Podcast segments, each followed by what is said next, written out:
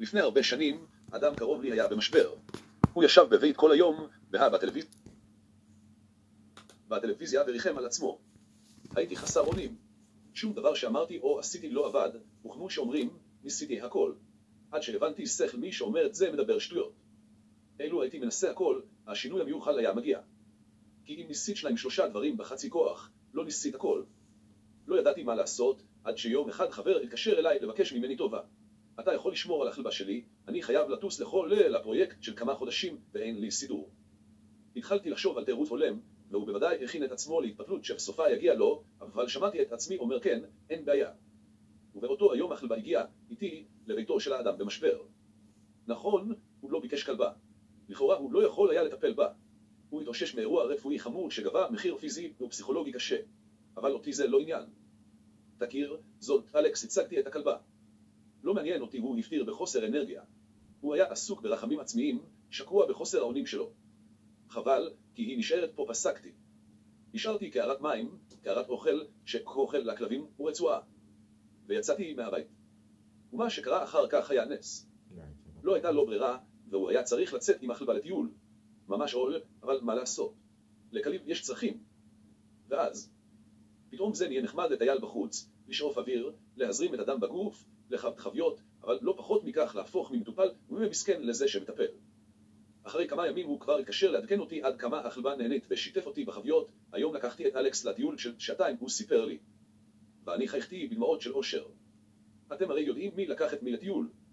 כמה חודשים עברו והוא הפסיק ליטול את ערימת התרופות שלו. הוא פשוט לא נזקק להם יותר.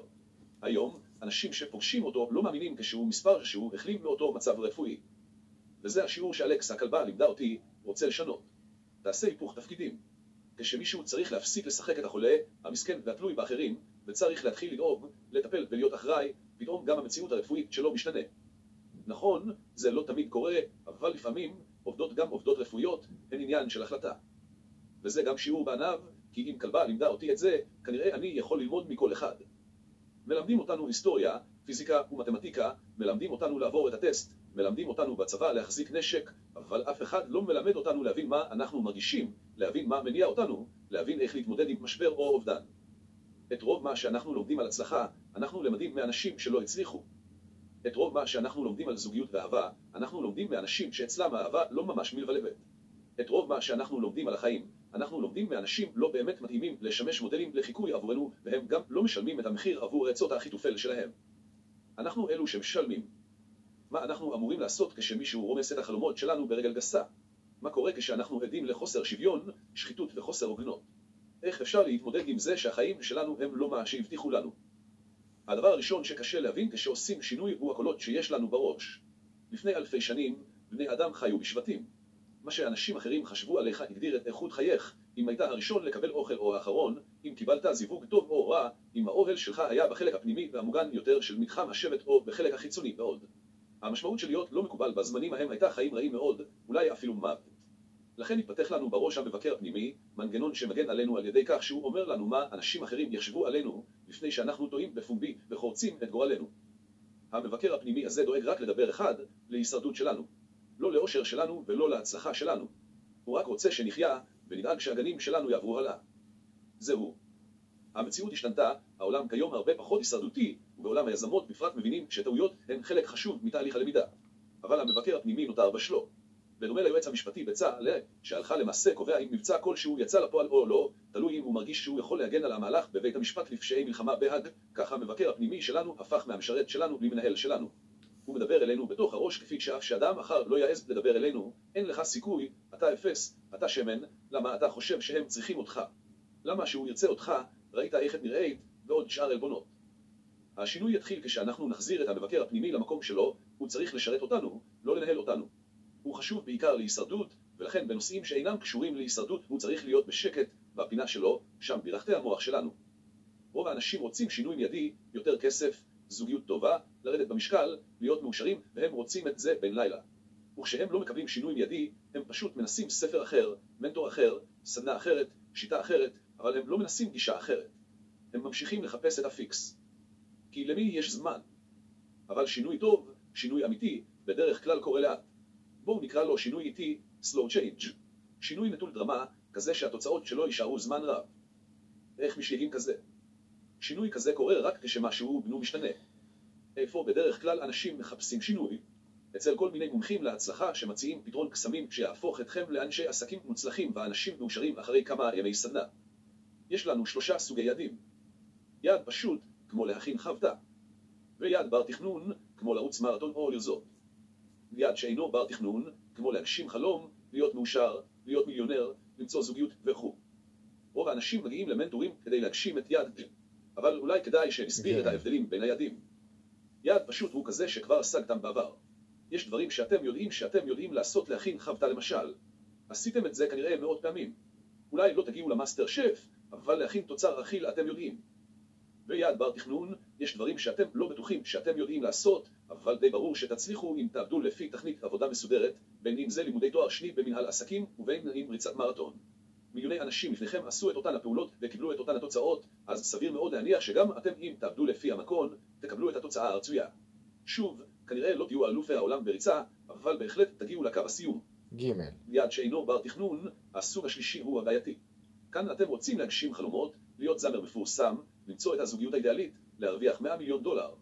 ולמה זה בעייתי? כי קודם כל נראה שאין מתכון. אין שיטה בדוקה שתמיד עובדת. אין משהו שיכול להבטיח שבעוד חודש, חצי שנה או שנה תקומו בבוקר למציאות שחלמתם עליה. אז איך אפשר לשכנע אנשים שיש שיטה, קוד, מתכון, דרך מוכחת כשאין שום דבר כזה? אהה, זה הטריק, מבלבלים אתכם בין יד בר תכנון לבין יד מורכב, בין ו לבין ג'. קודם כל, הם משכנעים. אתכם שהחלום שלכם זה לרוץ מרתון. זה חשוב הם יגידו לכם, כי אז תרגישו שניצחתם, ובזמן שאתם משקיעים את כל כבילכם באימון למרתון, אתם שוכחים משהו, שאין באמת קשר בין יציאה לרכוב, לרוץ, לשחות, לעשות דיאטה לבין הצלחה בעסקים. לא כל אנשי העסקים עשו כושר לפני שהתעשרו, אולי כי הם היו עסוקים בעבודה. האם ביל גייטס עשה איירון מין? האם לדעתכם וורן באפט אי פעם היה אתלט? מרתון, תואר שני או דיאטה הם בגדר יעד בר תכנון. קריירה של מוזיקאי מצליח, זוגיות מושלמת או 100 מיליון בבנק, הם לא. למה? כי זה לא תלוי רק בכם. זה תלוי באנשים נוספים. זה תלוי בנסיבות.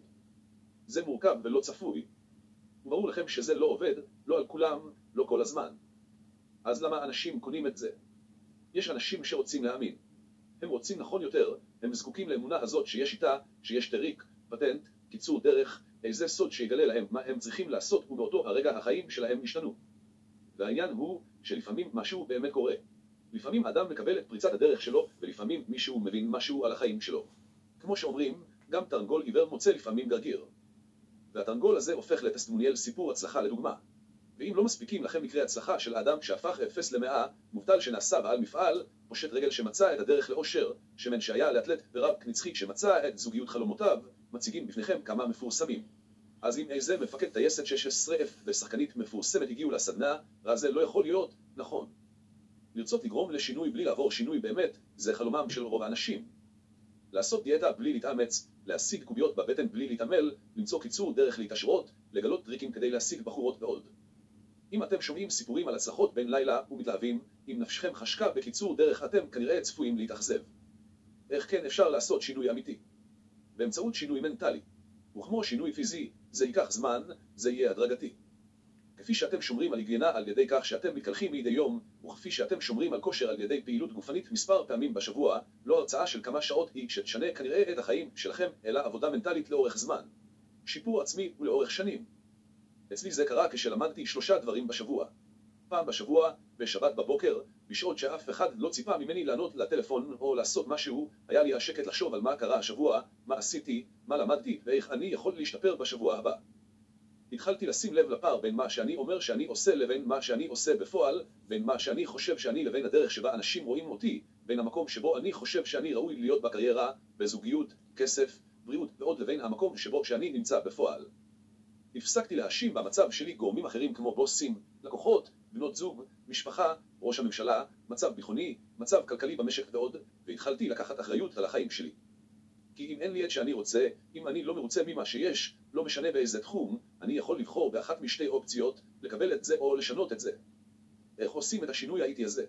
מאיפה מקבלים את הסבלנות, את המשמעת, את הפרספקטיבה? בדיוק כדי לענות על השאלות האלו, הספר הזה נכתב. אני מאחל לכם קריאה איטית ושינוי איטי, אבל בטוח. אליאב אללוף